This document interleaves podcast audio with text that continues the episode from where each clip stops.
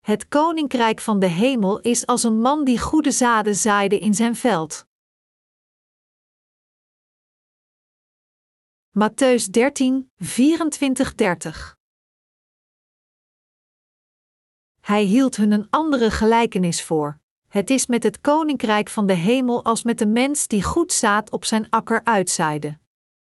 Terwijl de mensen sliepen, kwam zijn vijand onkruid tussen het graan zaaien en vertrok weer.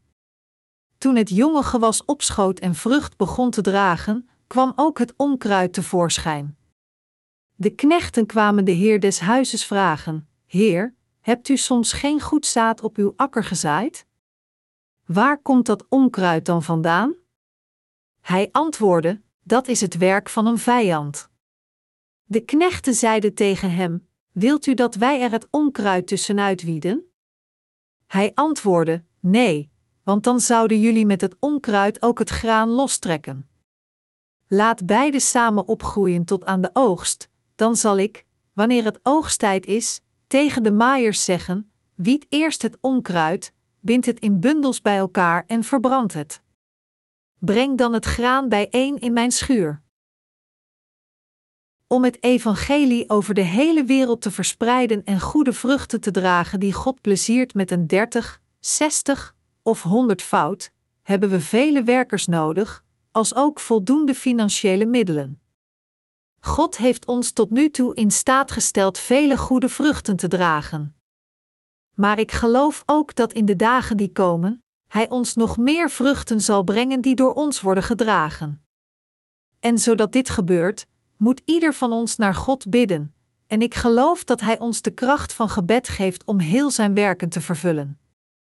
We zijn slechts de Heers zaligmaking met geloof aan het prediken. Alles wat we moeten doen is deze waarheid te verspreiden, vertrouwend dat God met ons meewerkt. Terwijl wij in feite proberen het werk dat God plezier doet te doen, is het God zelf die eigenlijk dit werk vervult. Wandelend met de Heer, kunnen we voelen dat God om ons heen werkt. Als we wandelen met God en zijn werk doen, worden onze harten meer vreugdevol, en als we één worden met de Heer, ontvangen we nog meer zegeningen van God. Ik kan onze Heer niet genoeg danken voor alles dat Hij voor ons heeft gedaan. Matthäus 13 uur 24 zegt: Hij hield hun een andere gelijkenis voor. Het is met het koninkrijk van de hemel als met een mens die goed zaad op zijn akker uitzaaide. In de geschrifte passage van vandaag verklaarde Jezus zijn wil door een overeenkomst te tekenen met een aardse zaaier om ons de geheimen van de hemel te laten weten. Op de velden van de harten van de mensen die in deze wereld leven, heeft God de zaden van leven gezaaid. God heeft de harten van de mensen die in deze wereld leven als zijn werkplaats gekozen. Hij zei dat hij goede zaden zaaide in de harten van deze mensen levend in deze wereld. Gods doel in het zaaien van goede zaden in deze wereld was als volgt: ons te veranderen, die in zonde waren vervallen, in zijn eigen mensen, en met ons voor eeuwig te leven in het koninkrijk van de hemel. God wil altijd de vruchten van zaligmaking van ieder van ons. De Heer zaaide het woord van zaligmaking op deze aarde en in de harten van de mensen. Hij was aan het wachten om de vruchten van het eeuwige leven te dragen. Maar toen het graan was ontsproten en oogst produceerde, verscheen ook het onkruid. En dit onkruid groeide samen met het onkruid. Zijn vijand kwam en zaaide onkruid tussen het graan. Matthäus 13, 25, 26 zegt: Terwijl de mensen sliepen, kwam zijn vijand onkruid tussen het graan zaaien en vertrok weer. Toen het jonge gewas opschoot en vrucht begon te dragen, kwam ook het onkruid tevoorschijn. Deze passage vertelt ons dat voordat God het evangelie van het water en de geest in de harten van de mensen zaaide, de duivel als eerste valse evangelies zaaide. God vertelt ons dat in de harten van iedereen levend op deze wereld, zonder enige uitzondering, hij het evangelische woord van het water en de geest dat hem van al zijn zonden bevrijd heeft gezaaid. Of de mensen dit nu willen of niet, beide goede zaden en onkruid werden samengezaaid in de velden van hun harten. Onze Heer zaaide de evangelische waarheid van het water en de geest in iedereen. Terwijl God goede zaden was aan het zaaien op deze aarde, was de duivel ook aan zijn zijde aan het werken, maar het doel van zijn werk lag ergens anders. Het was om de mensen te vernietigen door te voorkomen dat zij de vergeving van hun zonde door het evangelie van het water en de geest zouden ontvangen. Omdat veel mensen zich niet realiseren dat het evangelie van het water en de geest gezaaid het goede zaad is dat God zaaide in ieder van hen, raakten zij het uiteindelijk kwijt aan Satan. Dit is hoe twee soorten zaad in de harten van de mensen levend in deze wereld viel, dient te gevolgen, werden twee verschillende vruchten geproduceerd. Dit waren het graan en het onkruid. In de harten van de mensen zijn beiden het goede zaad dat hen verandert in Gods mensen en het valse zaad dat hen in onkruid verandert gezaaid. Met als resultaat dat twee verschillende zaden zijde aan zijde groeien op deze wereld. Dus moeten we een diep begrip van de evangelische waarheid van het water en de geest krijgen door de passage van Matthäus 13 uur 27, die zegt: De knechten kwamen de heer des huizes vragen: Heer, hebt u soms geen goed zaad op uw akker gezaaid? De Heer zei dat dit gebeurde omdat Satan onkruid zaaide in de harten van de mensen levend op deze wereld. Mijn medegelovigen, hoe werd onkruid gezaaid in de harten van de mensen? Terwijl de Heer goede zaden in deze wereld zaaide, zaaide Satan onkruid. De knechten vroegen toen: Wilt u dat wij het onkruid er tussenuit wieden? Maar de boer antwoordde: Nee, want dan zouden jullie met het onkruid ook het graan lostrekken. Toen de Heer naar de mensen op deze wereld keek, zag hij dat er in sommige van hen het gezaaide God gegeven zaad van leven was geplant en goed groeide. De realiteit is dat er meer onkruid dan goede zaden in deze wereld zijn gezaaid. In deze wereld, levend naast de rechtvaardige leven diegenen die de valse evangelies verspreiden die de zielen van de mensen beschadigen en ze zijn niet in staat hen van hun zonden te verlossen. Mijn medegelovigen, het evangelie van het water en de geest is geen onkruid.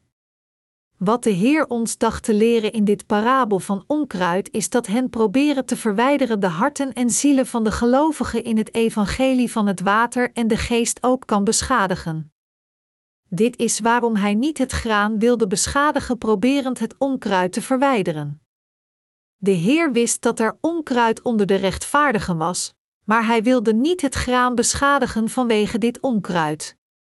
Dit is waarom hij zei: laat beide samen opgroeien tot aan de oogst, dan zal ik, wanneer het oogsttijd is, tegen de maaiers zeggen: wiet eerst het onkruid, bind het in bundels bij elkaar en verbrand het. Breng dan het graan bijeen in mijn schuur. Als we nadenken over datgene wat de Heer ons hier vertelde, kunnen we zien dat net als het zaad van het God gegeven evangelie van het water en de geest is gezaaid in deze wereld, zo is ook het zaad van de valse evangelies van onkruid erin gezaaid. Dus vertelt hij ons dat het onvermijdelijk is dat zij twee soorten vruchten dragen. Maar we moeten ons hier herinneren wat de Heer ons vertelde: niet het onkruid te verwijderen, maar het te laten staan uit vrees dat we het graan met het onkruid eruit trekken. Dit is waarom de Heer ons vertelde het evangelie van het water en de geest ijverig te verspreiden totdat Hij het onkruid veroordeelt. We moeten ons dit realiseren. Te zijner tijd zal de Heer zorg dragen over het onkruid en het uittrekken.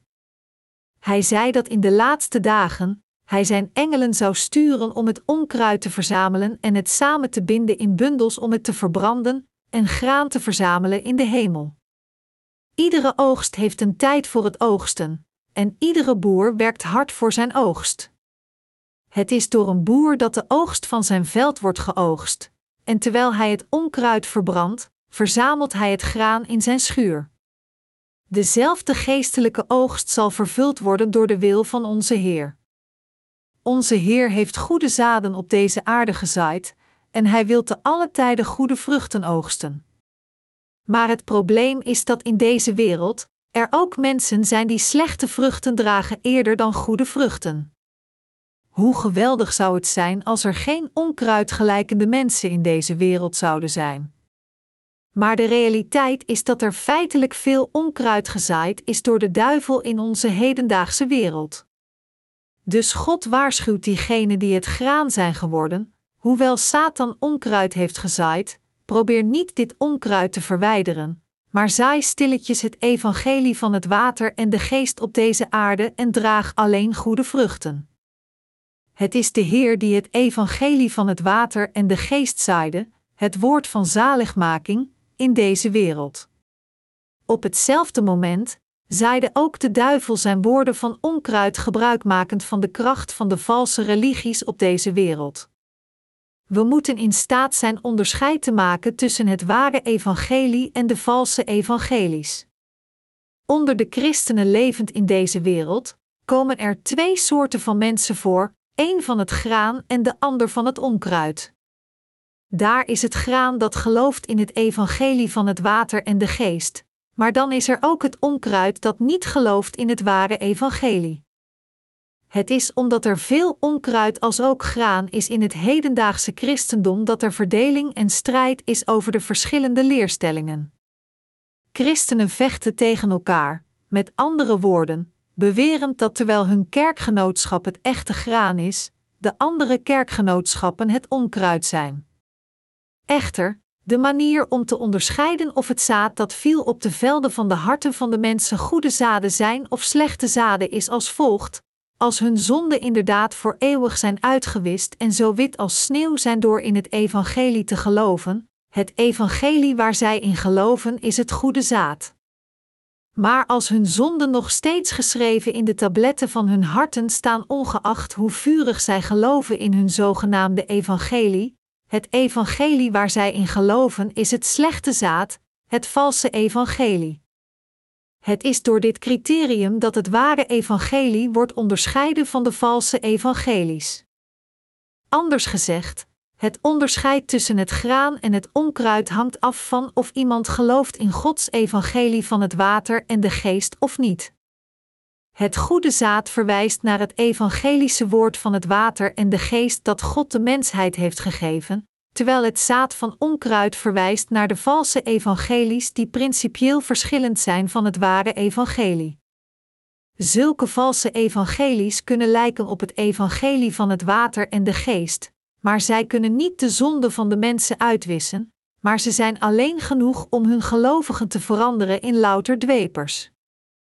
Wat het ergste is, is dat hoewel er veel christenen in deze wereld zijn, er uitermate weinig mensen feitelijk het evangelische woord van het water en de geest kennen en erin geloven. Dit is waarom er zoveel onkruid in deze wereld is. God toont ons dat in tegenstelling tot zijn werk het zaaien van het evangelie van het water en de geest, Satan onkruid zaait. God heeft op deze aarde zijn werkers die geloven in het evangelie van het water en de geest opgeroepen. En vanaf het tijdperk van het Oude Testament tot aan het tijdperk van het Nieuwe Testament, en zelfs tot op dit moment, heeft God hen evangelie van het water en de geest laten verspreiden.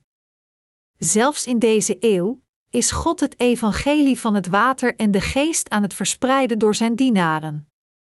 Er kan geen twijfel over bestaan dat het evangelie van het water en de geest nu in deze eeuw nauwkeurig wordt gepreekt.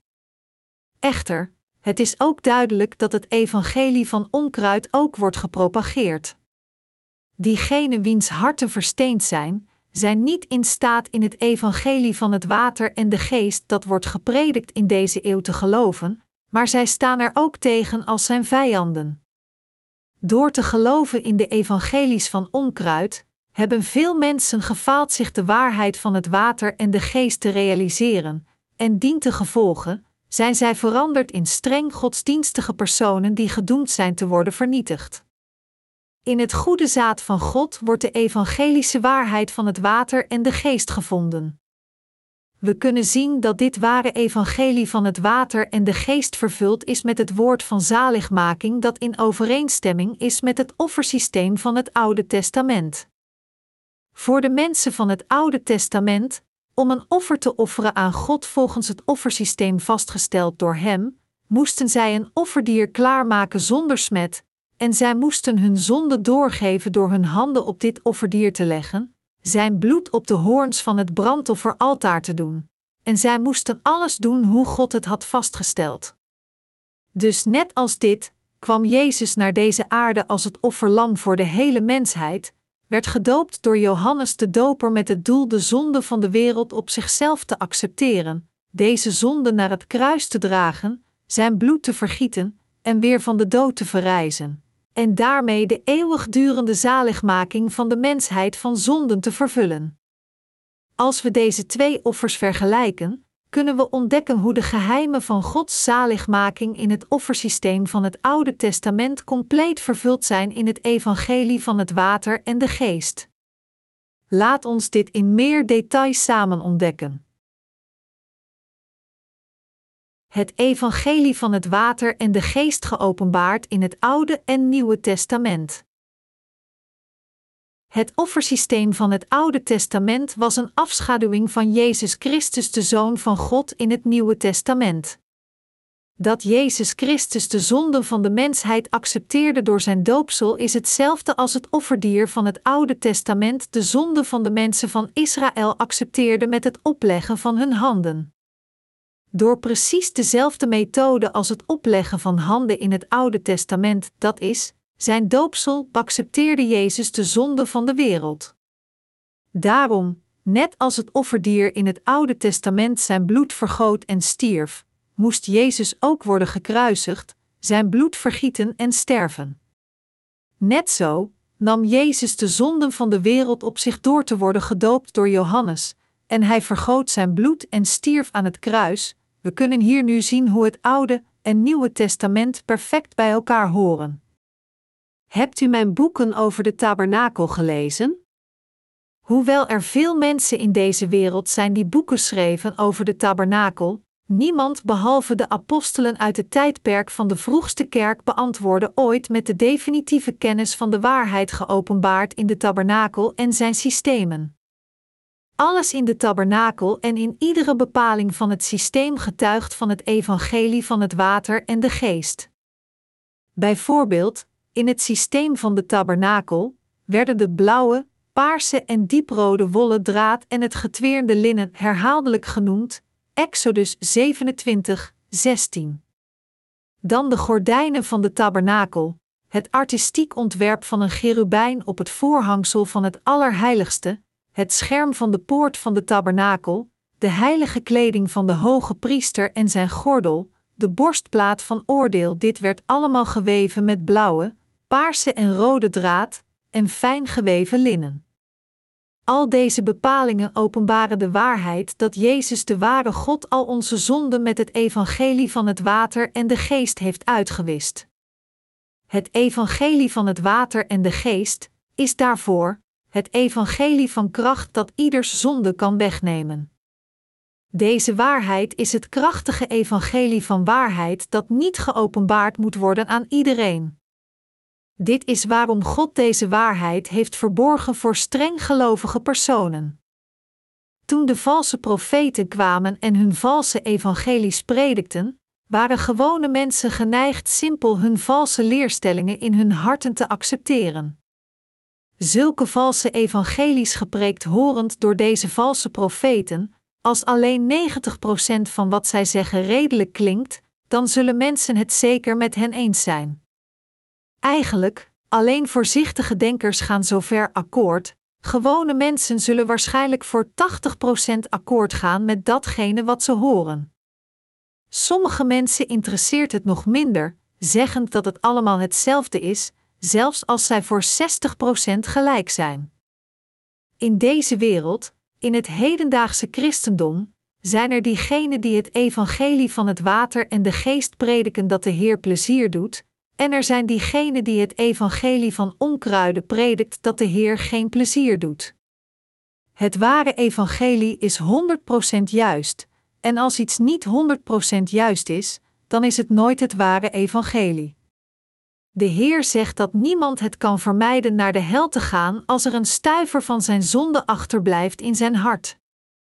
Als zodanig ongeacht hoe het evangelie van onkruid mag lijken op het evangelie van het water en de geest, het heeft geen nut, want zulke valse evangelies kunnen geen enkele zonde van hun gelovigen wegnemen. Dit is wat onze Heer tegen ons allen zegt. Dit is waarom Hij ons zijn parabel vertelde, zodat wij deze dingen kunnen onderscheiden, te onderscheiden wat voor een soort van wereld deze wereld is, wat voor een zaad er is gezaaid in de harten van de mensen, en welke het goede zaad is en welke het valse zaad is. Wat vertelt onze Heer ons in de geschrifte passage van vandaag? Hij zegt dat beiden het ware evangelie en het evangelie van onkruid gezaaid is geworden in deze wereld. God zaaide het goede evangelie, maar de vijand zaaide het onkruid. We moeten zorgvuldig luisteren naar de woorden van de dienaren van de Heer die het ware evangelie prediken. Mijn medegelovigen, wat is het onkruid? Het onkruid verwijst naar christenen die nog steeds zonden hebben terwijl zij beleiden in Jezus te geloven. Met andere woorden, zij zijn diegenen die geloven in valse evangelies. Zij zijn diegenen die niet geloven in het evangelie van het water en de geest gegeven door onze Heer. Het onkruid zijn de dwepers die geloven op elke manier dat het hen goed dunkt gebaseerd op hun eigen gedachten. Dergelijke dwepers zijn diegenen die niet geloven in het woord van God zoals het is, maar in plaats daarvan voegen zij toe en doen er iets vanaf op zichzelf, gelovend volgens hun eigen gedachten. Het onkruid lijkende geloof van deze mensen is in wezen georiënteerd op hun eigen wil. Hun motto is: laat ons dit doen. Dergelijke mensen begeven zich in verschillende soorten van religieuze bewegingen. Zij geloven alleen in Jezus op een religieuze dimensie, zeggend: laten we zeggen dat we de vergeving van zonden hebben ontvangen door in het bloed van het kruis te geloven. Dergelijke gelovigen kunnen zeggen: Wat moeten we doen met de zonden die we naderhand plegen? Dan kunnen zij antwoorden: We kunnen hierover niet zeker zijn, maar laten we aannemen dat Jezus Christus al de zonden die we naderhand plegen zal oplossen. Hoewel we nog steeds zonden hebben en ons onbehagelijk voelen, laat ons geloven dat Hij al onze zonden heeft uitgewist. Zoals dit, beschouwen de valse profeten het christelijk geloof als een van de religieuze bewegingen. Daar de Heer de zonde van de wereld aan het kruis heeft uitgewist, laat ons aannemen en geloven dat Hij ook al de dagelijkse zonden die wij plegen nadat we in Hem gingen geloven zal uitwissen. Op deze manier beginnen zij aan hun religieuze bewegingen, verkondigend, door naar deze wereld te komen en te worden gekruisigd, nam de Heer al de zonden van de wereld voor eens en al op zich en wiste ze in een keer uit. Daarom, laat ons aannemen en geloven dat we geen zonde in onze harten hebben. Hun geloof is een van alleen maar overeenkomen aan te nemen. Ze zeggen: laat ons geen ruzie maken, maar laat ons aannemen dat dit is hoe het is, en er zodanig in geloven. Echter, dergelijk geloof en overtuiging die zij hebben zijn nog het ware geloof, nog een ware overtuiging. Valse leraren die een onkruid lijkend geloof hebben getuigen dat zij gered zijn van al hun zonden door alleen in het bloed van het kruis te geloven. Echter, daar hun aanhangers doorgaan met zondigen en zij niet het probleem van hun zonden naar hun voldoening kunnen oplossen, gaan zij naar hun leiders met de vraag hoe zij de hun probleem kunnen oplossen. Dominee, ik heb weer gezondigd en blijf zondig. Wat moet ik nu doen? Dan kan een van de valse leiders zeggen tegen zijn congregatie: Jezus heeft al uw zonden met zijn bloed aan het kruis weggenomen, en dus als u dit gelooft, heeft u niets te vrezen. Hij beweert dat sinds Jezus al hun zonden heeft weggenomen door zijn bloedvergieten aan het kruis, alles dat zij moeten doen is aan te nemen dat al hun zonden zijn verdwenen. Maar kan iemand echt worden gered van al zijn zonden door alleen maar aan te nemen dat zij verdwenen zijn? Dergelijk geloof is het dwaze geloof van dwepers. Heeft Jezus echt onze zonden weggenomen toen hij werd gekruisigd? Of werden de zonden van de wereld doorgegeven op het lichaam van Jezus toen hij werd gedoopt door Johannes de Doper? Kunnen onze zonden echt worden uitgewist door alleen in Jezus bloed aan het kruis te geloven? Nee. Het was niet aan het kruis dat Jezus de zonde van de mensen op zich nam. Het was voor Jezus werd gekruisigd, toen hij werd gedoopt door Johannes de Doper, dat hij de zonde van de wereld op zich nam. Matthäus 3, 13, 15. Daarom kunnen onze zonden niet worden uitgewist door alleen te geloven in het bloed van het kruis als onze zaligmaking. Echter, de voornaamste stroming van het hedendaagse christendom beweert dat dergelijk geloof gebruikelijk is.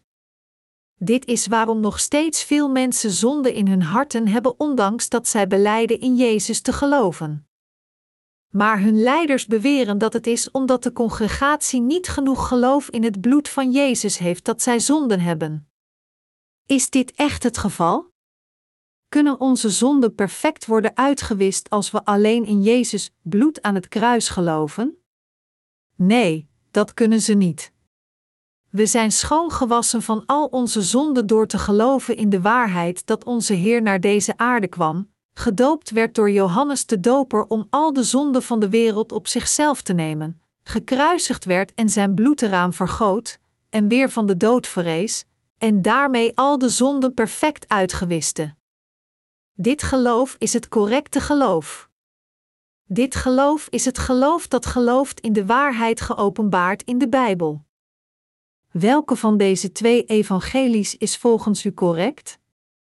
Is het het evangelie van het water en de geest, of het andere evangelie dat zegt: Laat ons aannemen dat Jezus de zonden van de wereld heeft uitgewist door te worden gekruisigd en zijn bloed vergieten aan het kruis? Door hun religieuze bewegingen leiden deze leiders feitelijk hun congregatie naar de slavernij van de zonde van de wereld. Diegenen die verplicht zijn aan dergelijk onkruid, met andere woorden, zijn veranderd in dwepers.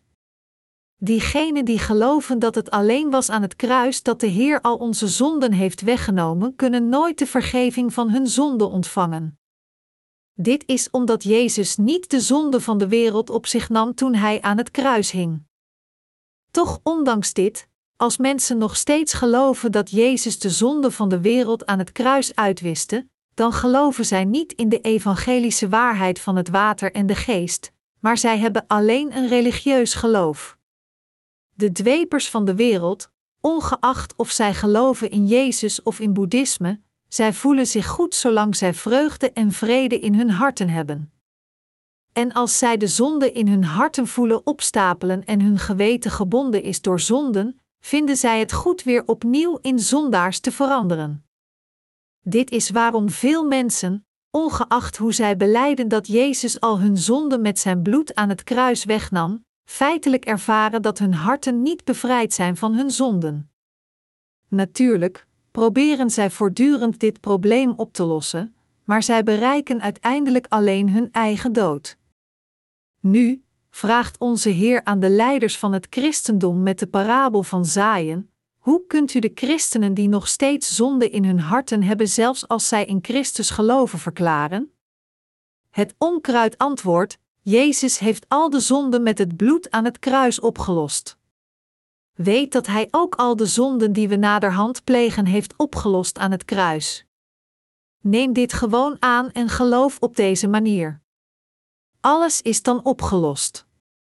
Als het onkruid zijn aanhangers leert, berispen zij hen, Laat ons gewoon geloven dat Jezus al onze zonden met zijn bloedvergieten aan het kruis heeft uitgewist. Maar is een dergelijke leerstelling wel juist? Nee, het is absoluut vals.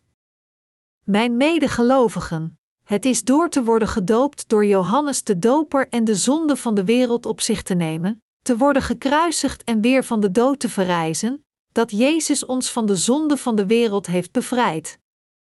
Dit evangelie, het evangelie van het water en de geest, is het enige ware evangelie. Maar het laatste antwoord dat het onkruid evangelie kan geven is: laat ons gewoon veronderstellen. Kortom, dit is gewoon een schuchtere conclusie voortgekomen uit hun eigen veronderstelling dat zij gered zijn geworden. In christelijke gemeenschappen zeggen diegenen die dit onkruid lijkende geloof hebben tegen hun aanhangers, daar Jezus gekruisigd werd en stierf aan het kruis, laat ons aannemen dat Hij op de een of andere manier al onze zonden heeft gereinigd met zijn bloed. Laat ons zo geloven. Sommige van de aanhangers kunnen vragen: Pastor, ik geloof zo, maar mijn zonden konden niet worden weggewassen met een dergelijke belijdenis. Wat kan ik doen om te worden gereinigd van al mijn zonden? Dan zou het onkruid pastor antwoorden: U moet een sterker geloof in Jezus hebben. Geloof met heel uw hart dat Hij de zonde van de mensen alleen aan het kruis heeft uitgewist. Dit is waarom hun gebeden van berouw een manier zijn de vergeving van hun dagelijkse zonde te ontvangen. Als u hen dit ziet doen, moet u hun geloof onderkennen en zeggen: Jullie zijn het onkruid. De Bijbel verklaart duidelijk dat de zonden van de wereld alle werden doorgegeven aan Jezus toen hij werd gedoopt door Johannes de Doper, en dit is waarom Jezus deze zonde naar het kruis droeg, zijn bloed vergoot en stierf, weer van de dood verrees, en is daarmee onze eeuwige verlosser geworden. Matthäus 3, 13, 15, Johannes 1 uur 29 en 19 uur 30. Als dit zo precies en duidelijk is, waarom probeert u zich af te keren van Jezus naar een ander evangelie? Galaten 1, 6. Het is omdat de Heer onze ware Verlosser is geworden dat Hij al onze zonden van de wereld op zich nam door te worden gedoopt door Johannes de Doper. En het is vanwege dit dat Hij naar het kruis ging, gekruisigd werd voor de zonde van de wereld en weer van de dood verrees. Door te geloven dat alle zonden, inclusief de zonden die we hebben gepleegd nadat we in Jezus gingen geloven, werden doorgegeven aan de Heer voor eens en altijd toen Hij werd gedoopt in de rivier de Jordaan, en dat Hij al deze zonden heeft verzoend door te worden veroordeeld aan het kruis, kunnen wij perfect worden wedergeboren. Dit is omdat Jezus al de zonden van de wereld wegnam door zijn doopsel, en onze zonden werden alle doorgegeven aan Hem voor eens en altijd door dit doopsel. Dit is hoe we perfect gered zijn geworden van al onze zonden door geloof. Natuurlijk, we kunnen ons emotioneel schuldig voelen in ons geweten omdat we nog steeds iedere dag zonde begaan in ons leven. Echter, het is alleen van onze kant dat we nog steeds zonden begaan terwijl we op deze wereld leven. Volgens de kant van de Heer heeft Hij al al de zonden van de wereld uitgewist door te worden gedoopt door Johannes de Doper in de rivier de Jordaan, en Hij vergoot zijn bloed aan het kruis. Door al onze zonden van het heden, toekomst en verleden te accepteren door zijn doopsel, en dan de bestraffing van zonde aan het kruis dragen terwijl hij de zonde van de wereld droeg en te sterven aan het kruis, en weer van de dood te verrijzen, is Jezus onze perfecte verlosser geworden. Maar het onkruid is niet in staat dit uit te leggen, en zij zeggen alleen: laat ons aannemen en geloven dat Jezus ook onze persoonlijke zonden heeft weggenomen. Dit is principieel fout. Laten we ons nu realiseren en diep in ons verstand inprenten dat de harten van diegenen die een onkruid lijkend geloof hebben verkeerd zijn. Als ik nadenk over het onkruid, dan denk ik: dit onkruid is zo dom. En ze zijn zo waardeloos. Als iemand afstudeert van een medische school en dokter wordt en patiënten gaat behandelen, dan moet hij precies weten hoe hij zorg moet dragen voor hun gezondheidsproblemen en hen weer gezond maken. Als een dokter niet correct een diagnose kan stellen en daardoor niet de juiste medicijnen kan voorschrijven, nog een operatie correct kan uitvoeren, dan kan men hem geen dokter noemen.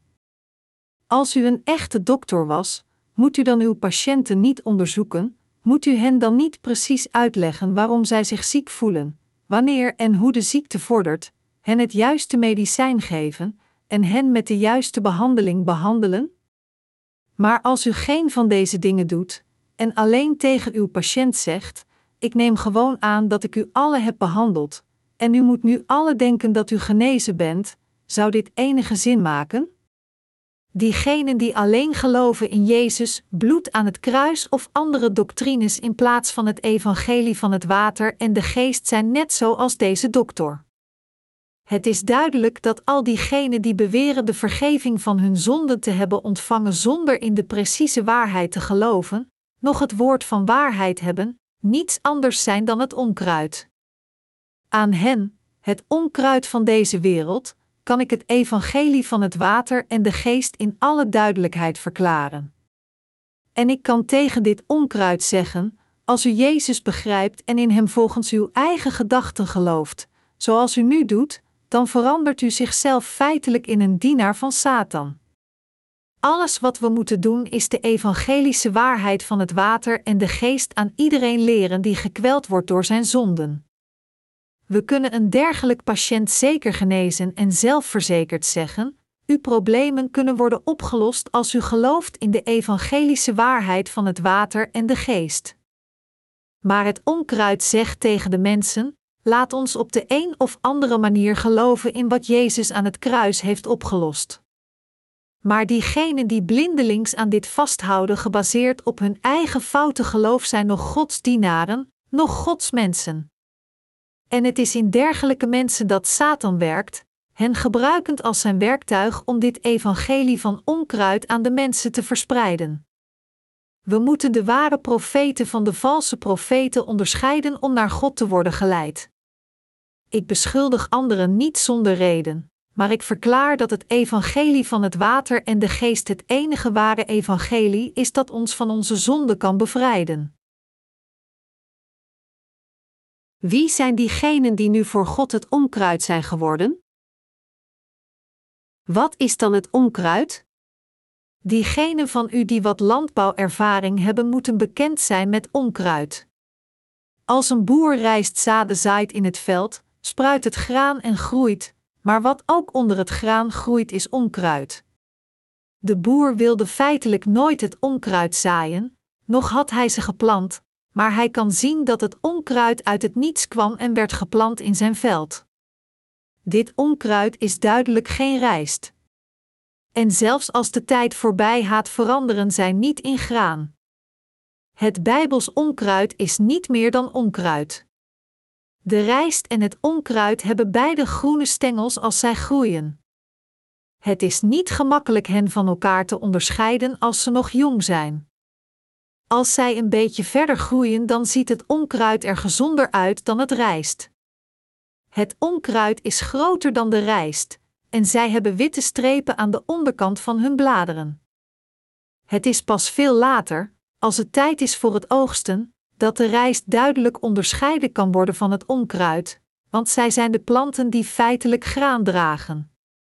Als de rijst graan draagt, hangt het neer door het gewicht van het graan, maar het onkruid staat rechtop en hebben lege graanvliezen. Op het eerste gezicht lijkt het onkruid groter en sterker, maar als we kijken naar wat ze feitelijk produceren, is het niets meer dan onkruid dat niks eetbaars draagt. En het onkruid, zelfs nadat verwelkt is, komt gewoon volgend jaar weer terug. Wat erger is, is dat zij zich voeden met de voedingsstoffen die bestemd zijn voor de rijst. Als er te veel onkruid is, kan de rijst niet goed groeien.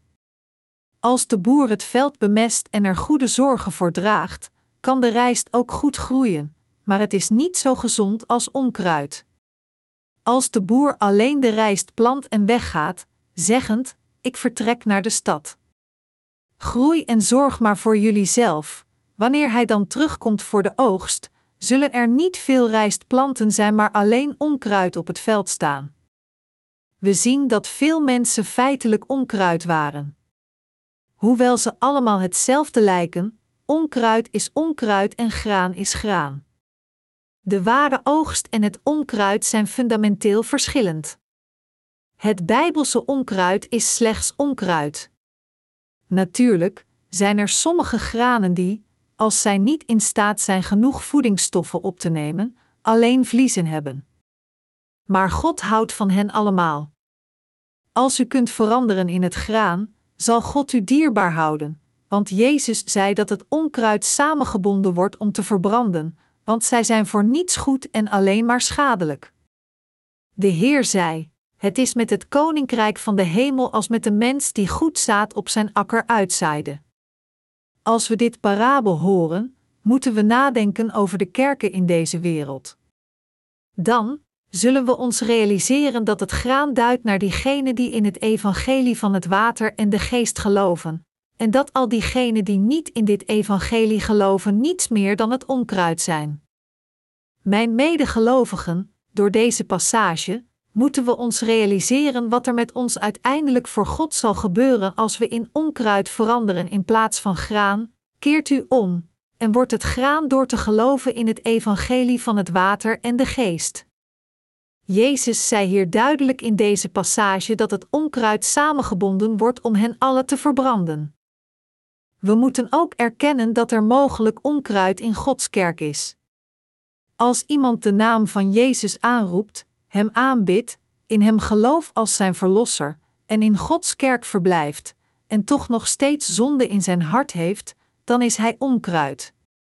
Als u wilt ontdekken of u onkruid bent of niet, onderzoek uzelf zorgvuldig om te zien of u met hart en ziel gelooft in het evangelie van het water en de geest.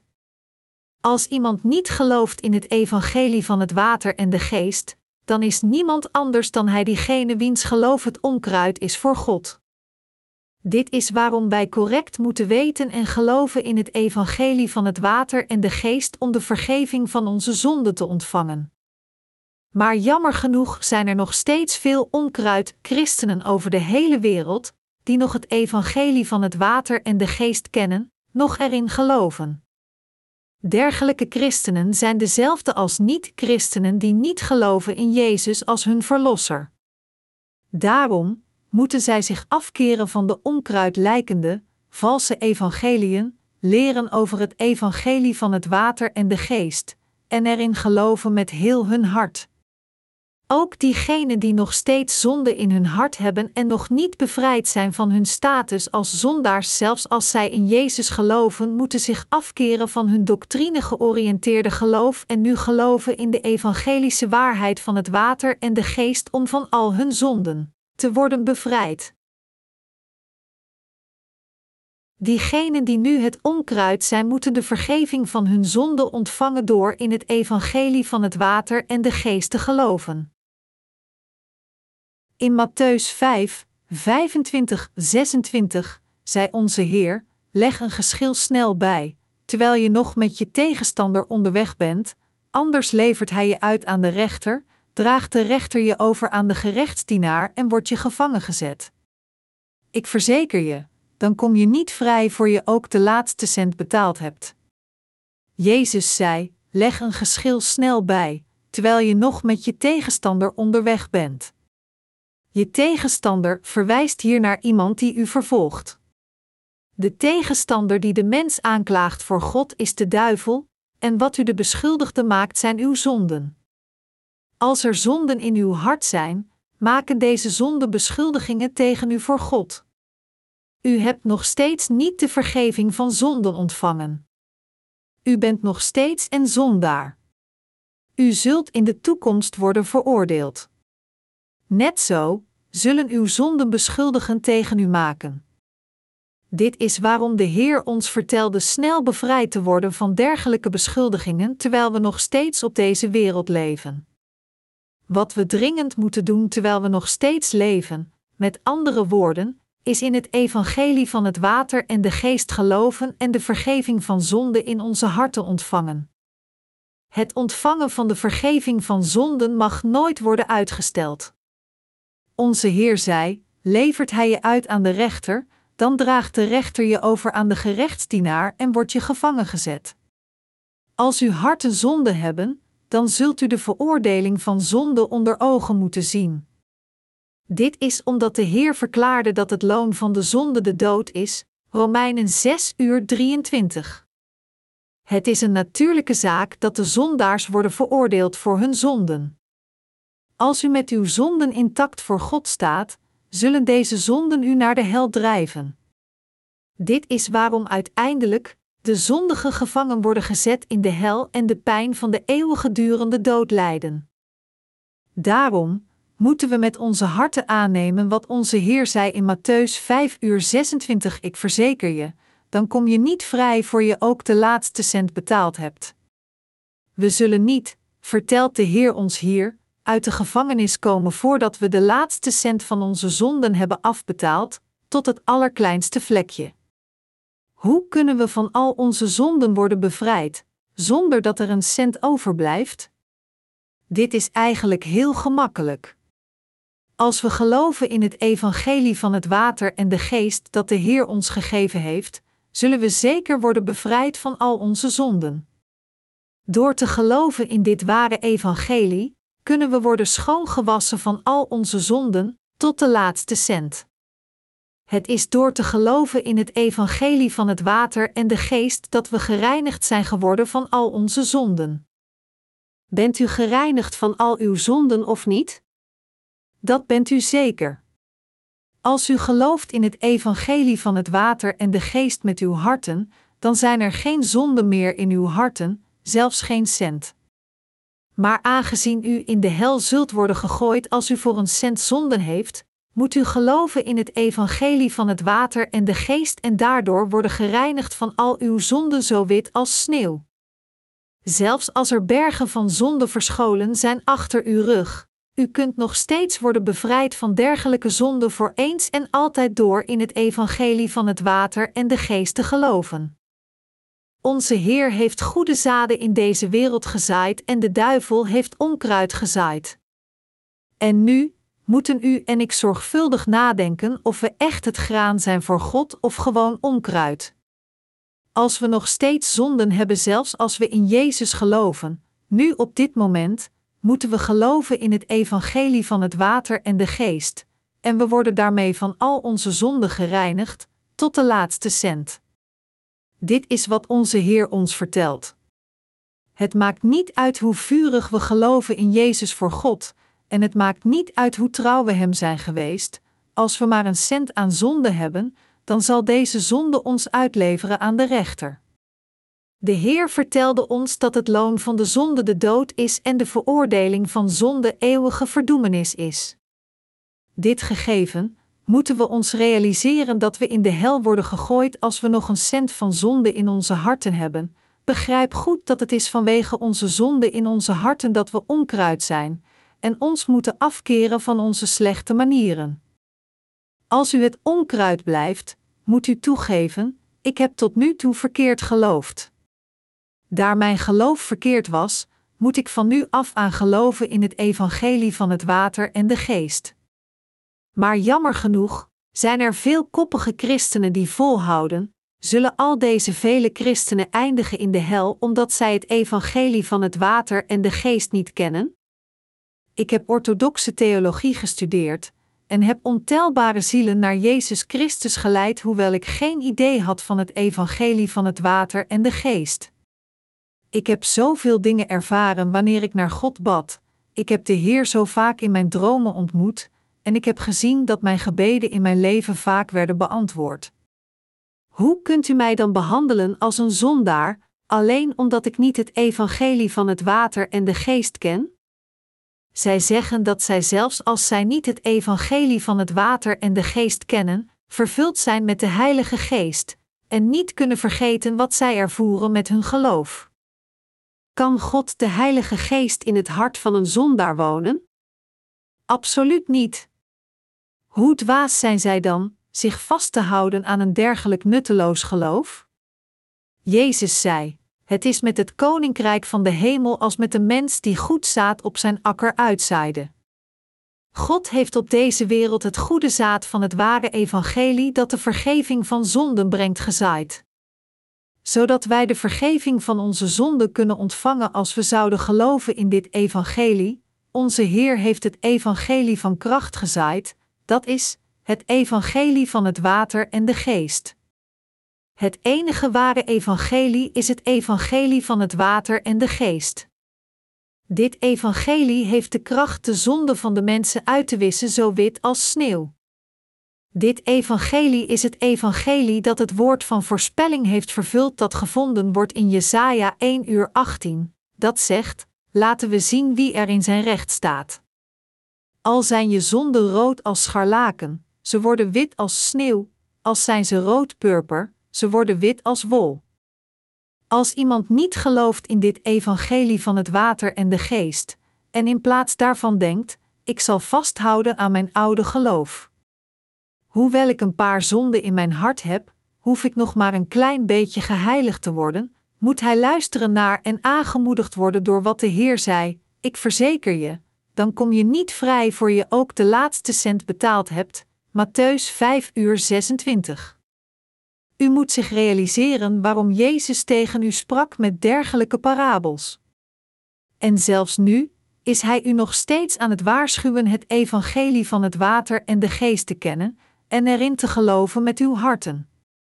In de geschrifte passage van vandaag verwijst het onkruid naar diegenen die gebonden zijn door zonden.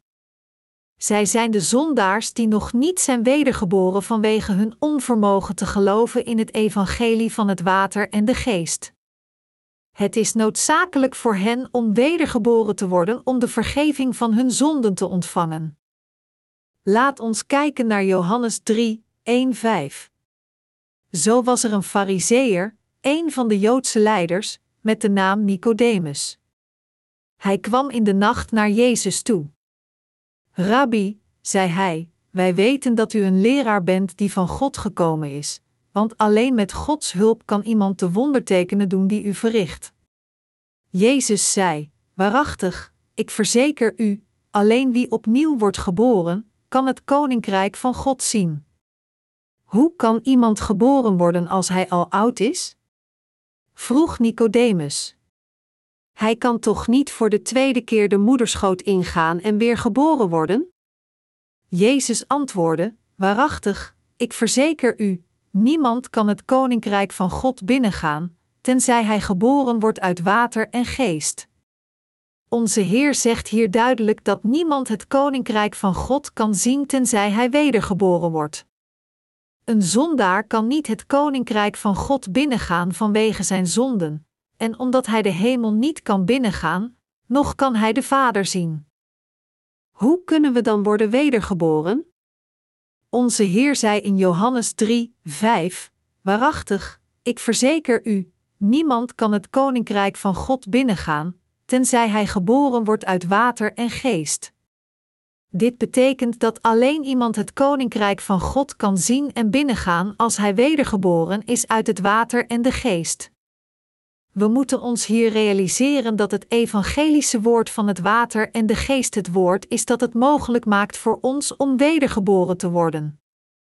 En moeten ons herinneren wat de Heer elders zei in Johannes 8: U zult de waarheid kennen, en de waarheid zal u bevrijden.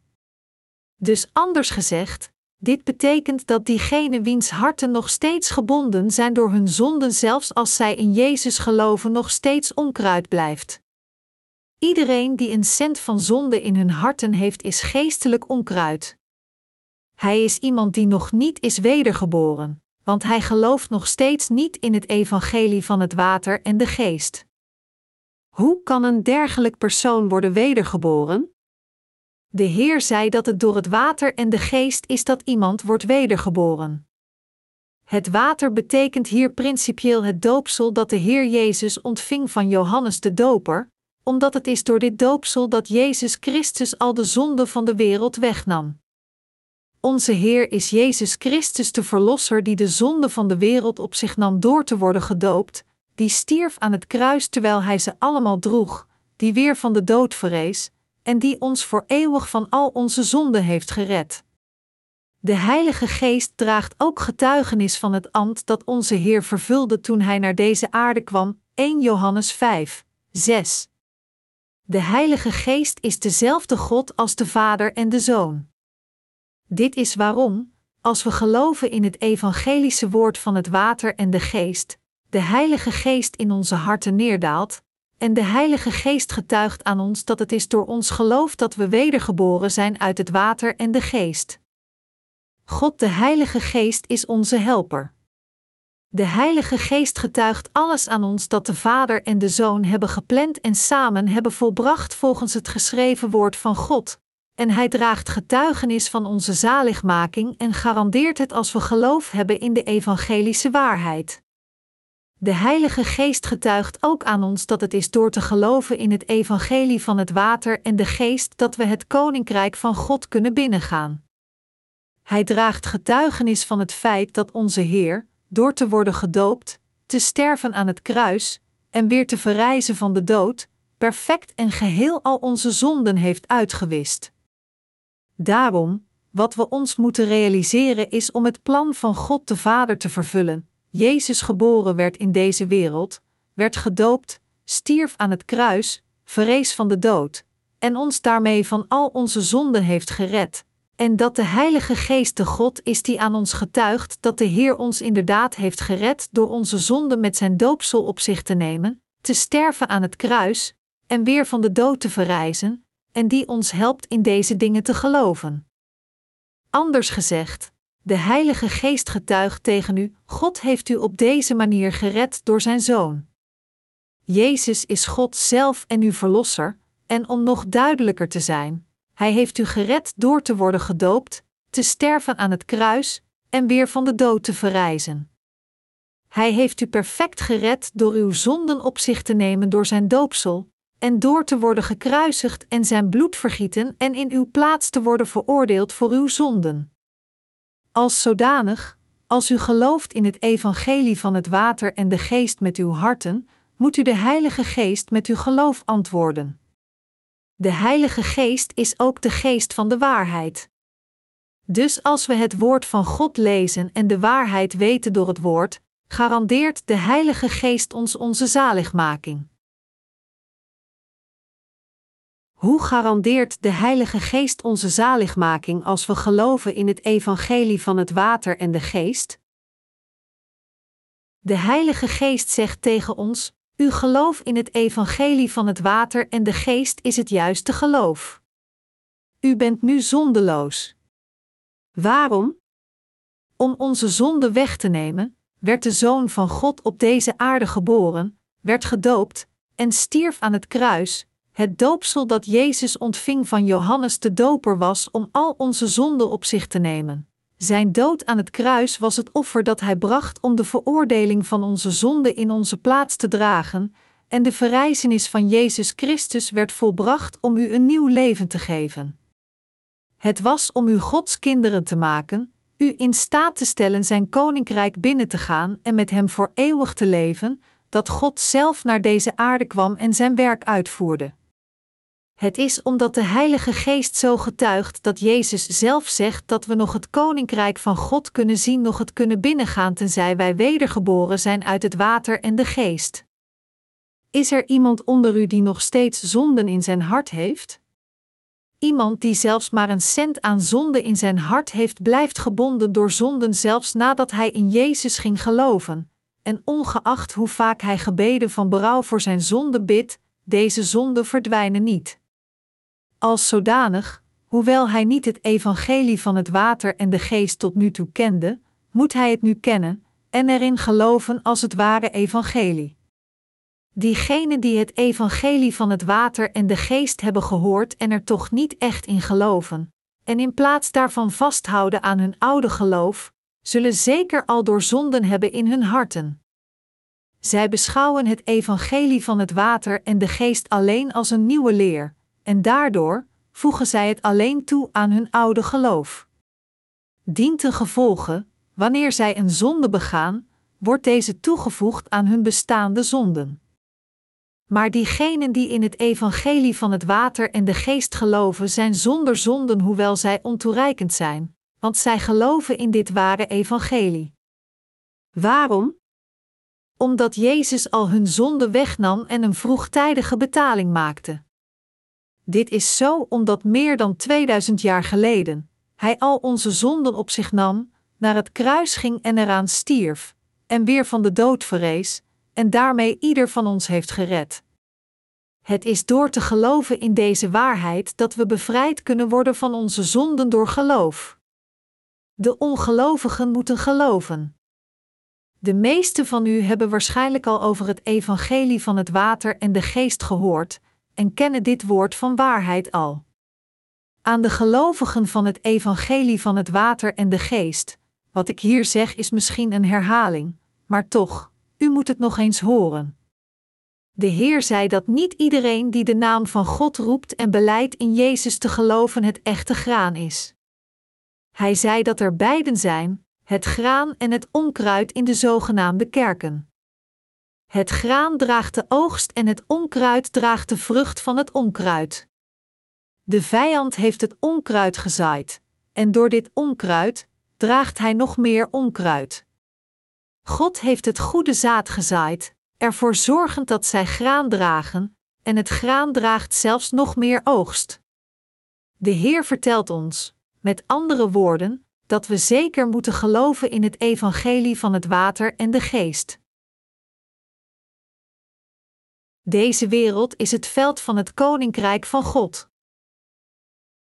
De plaats waar God zijn werk kan doen is deze wereld. En het is in onze harten waar God het zaad van het evangelie van het water en de geest kan zaaien. Maar, op hetzelfde moment, kan de duivel ook het slechte zaad van onkruid in onze harten zaaien.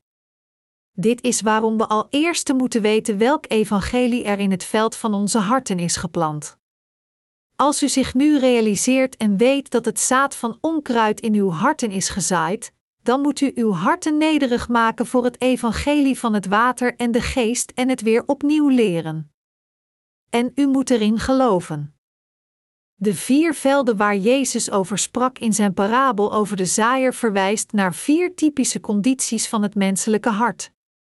Nadat u de conditie van het veld van uw harten weet, moeten we uitzoeken of het echt het goede zaad is dat gezaaid is in de velden van uw harten.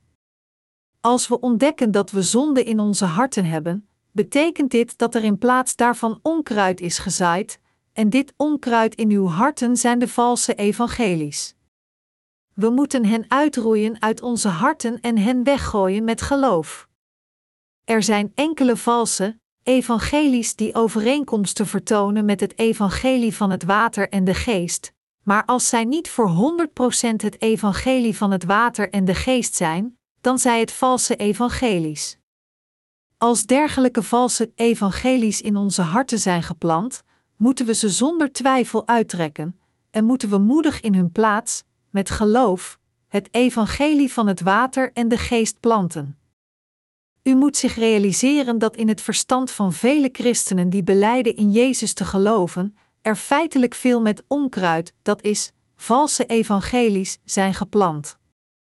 Op hetzelfde moment moet u zich ook realiseren dat er onder uzelf ook veel mensen zijn in wiens harten het evangelie van het water en de geest zijn geplant. Onze God de Vader, Jezus en de Heilige Geest hebben het goede zaad in ons gezaaid. Door ons het evangelie van het water en de geest te geven, heeft God ons in staat gesteld de vergeving van onze zonden te ontvangen. Hij hield zoveel van ons, en zijn liefde wordt in het feit geopenbaard dat God zelf een mens werd. Jezus Christus, de Zoon van God, werd op deze aarde geboren door het lichaam van de Maagd Maria. Dat God zelf naar deze aarde kwam in het vlees van de mens was om de mensheid van hun zonden te redden. Het is alleen met dit doel dat de Schepper zelf een mens werd. Volgens dit doel kwam onze Heer naar deze aarde, nam al de zonden van de mensheid op zich door gedoopt te worden door Johannes de Doper, stierf aan het kruis als de prijs voor het op zich nemen van de zonde van de wereld, vrees weer van de dood, en is daarmee onze Verlosser geworden. Het doel van onze Heer om een mens te worden was, in het kort, om al de zonden van de mensheid door zijn doopsel op zich te nemen. Na zijn verrijzenis, in zijn laatste moment op deze aarde voor de opstijging naar de hemel, zei Jezus tegen zijn leerlingen: Ga dus op weg en maak alle volken tot mijn leerlingen, door hen te dopen in de naam van de Vader en de Zoon en de Heilige Geest, en hun te leren dat ze zich moeten houden aan alles wat ik jullie opgedragen heb. Matthäus 28, 19, 20. Door dit gebod vertelt Jezus ons: Ik, de Zoon van God, nam al jullie zonden op mij, werd veroordeeld in jullie plaats en stierf, en heb jullie daarmee perfect gered. Ik ben weer van de dood verrezen en ben daardoor jullie levende verlosser geworden. Jullie moeten daarom dit evangelie over de hele wereld openbaren. Door deze grote opdracht kunnen we zien hoe belangrijk zijn doopsel, zijn dood aan het kruis en zijn verrijzenis zijn, en hoe belangrijk dit geloof in de evangelische waarheid van het water en de geest is. Gezien deze dingen die de Zoon van God en de ware God voor ons deden, moeten we ons realiseren en geloven hoe kritisch dit geloof is. Wij verspreiden nu het evangelie van het water en de geest over de hele wereld, die Gods eigen werkplaats is en het veld waar de zaden moeten worden gezaaid. En wij prediken het evangelie van zijn doopsel en bloedvergieten door zijn gebod te gehoorzamen. Nu is de tijd voor u om de evangelische waarheid van het water en de geest te kennen en erin te geloven. De apostel Paulus beleidt zijn geloof in Romeinen 8, 1-2, zeggend: Dus wie in Christus Jezus zijn, worden niet meer veroordeeld. De wet van de geest die in Christus Jezus leven brengt, heeft u bevrijd van de wet van de zonde en de dood. Zelfs als u beleidt in Jezus als uw verlosser te geloven, zijn er twee mogelijkheden voor u: u kunt nu in Jezus verblijven, of u kunt een buitenstaander blijven. Dit verwijst nu naar de omstandigheid of er wel of niet zonde in uw harten zijn, en dit is een zeer belangrijke vraag voor u. En wanneer u zondigt, of deze zonde uw harten in de greep houdt en hen beïnvloedt, is ook belangrijk. Afhangend van dit resultaat, of u wel of niet zonden heeft in Jezus Christus, zo kunt u ontdekken of u onkruid of het echte graan bent. Het geloof dat u in staat stelt in Jezus Christus te komen, is het geloof in het evangelie van het water en de geest. Het is door dit geloof dat u het koninkrijk van de hemel kunt binnengaan, want het krachtige evangelie van het water en de geest is het evangelie dat al uw zonden tot perfectie kan uitwissen, zelfs tot de laatste cent. Zoals er staat geschreven: Dus wie in Christus Jezus zijn, worden niet meer veroordeeld. Romeinen 8, 1. Het is omdat we geloven in het evangelie van het water en de geest dat we geen zonde meer hebben, en het is omdat we geen zonde meer hebben dat er ook geen veroordeling is. De gelovigen in het evangelie van water en de geest zijn voor eeuwig zondeloos geworden door hun geloof, en daardoor zullen zij nooit meer zondaars worden. Het is omdat zij nu zondeloos zijn door geloof dat zij rechtvaardig zijn geworden. Het woord veroordeling in deze passage houdt in veroordeeld te worden voor het hebben van zonden. Het geeft aan dat er zich zonden bevinden in het menselijk hart. Ontelbare christenen, zelfs nadat ze in Jezus gingen geloven, beleiden nog steeds dat zij zondaars zijn daar er zonden in hun harten zijn. Maar de Bijbel zegt hier duidelijk dat er geen veroordeling is in Jezus Christus, wat betekent dat het geloof van diegenen die zeggen dat zij nog steeds zonde heeft verkeerd is. Ik ben een zondaar. Ik ben niet Gods zoon. Ik ben niets meer dan onkruid. Dit soort van geloof is ongehoorzaam zijn aan de rechtvaardigheid van God en er niet in te geloven. Daarentegen verklaarde de apostel Paulus: dus wie in Christus Jezus zijn, worden niet meer veroordeeld. De wet van de geest die in Christus Jezus leven brengt, heeft u bevrijd van de wet van de zonden en de dood.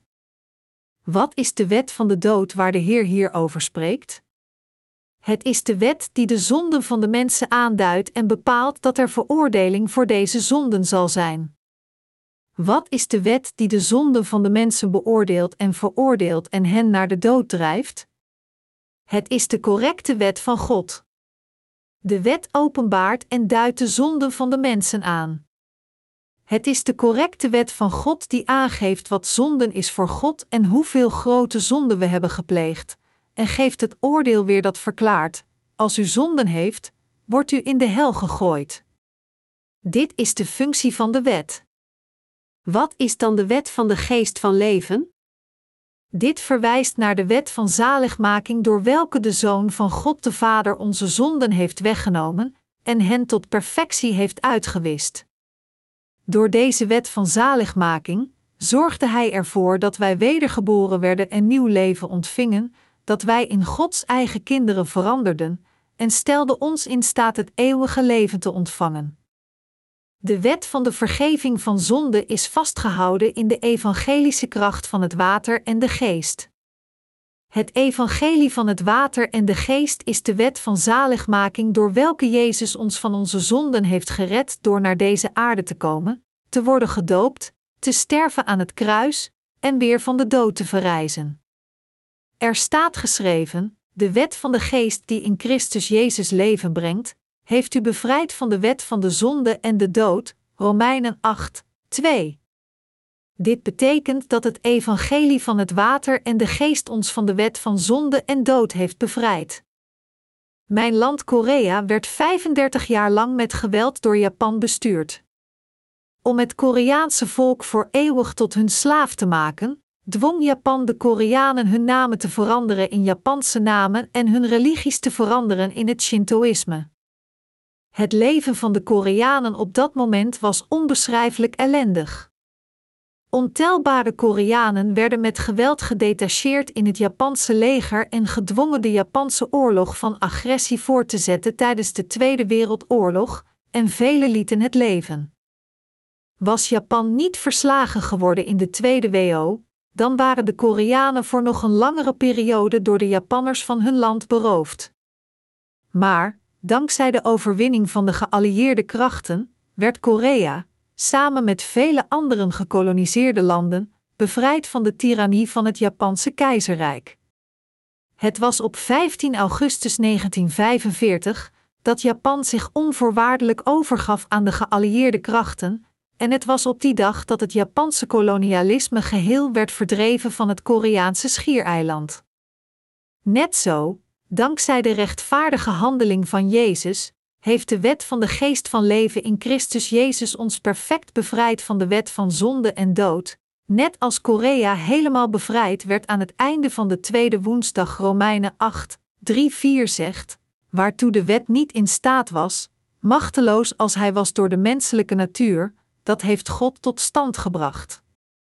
Vanwege de zonde heeft Hij Zijn eigen zoon als mens in dit zondige bestaan gestuurd, zo heeft Hij in dit bestaan met de zonde afgerekend, opdat in ons wordt volbracht wat de wet van ons eist. Ons leven wordt immers niet langer beheerst door onze eigen natuur, maar door de geest.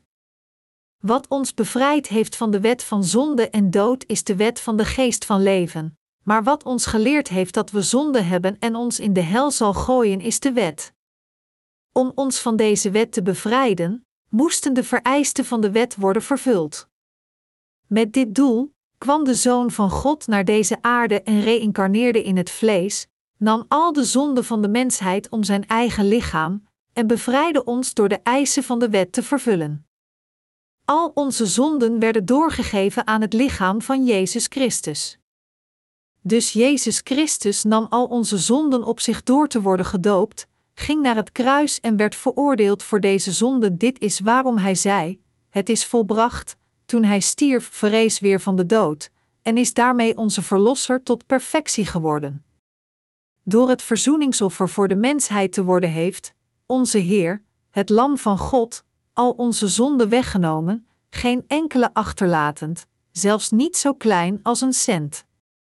Dit is waarom iedereen die het echte graan wil worden moet geloven in het evangelie van het water en de geest. Als u het evangelie van het water en de geest niet had gekend en alleen tot nu toe in het bloed van het kruis heeft geloofd, u moet geloven, zelfs nu, in dit evangelie van het water en de geest. Wat heeft Jezus gezegd? Hij zei dat toen mensen gingen slapen, de vijand kwam en onkruid zaaide. Dit betekent dat terwijl mensen onwetend blijven over het evangelie van het water en de geest, Satan zijn dienaren de valse evangelies van onkruid heeft laten zaaien.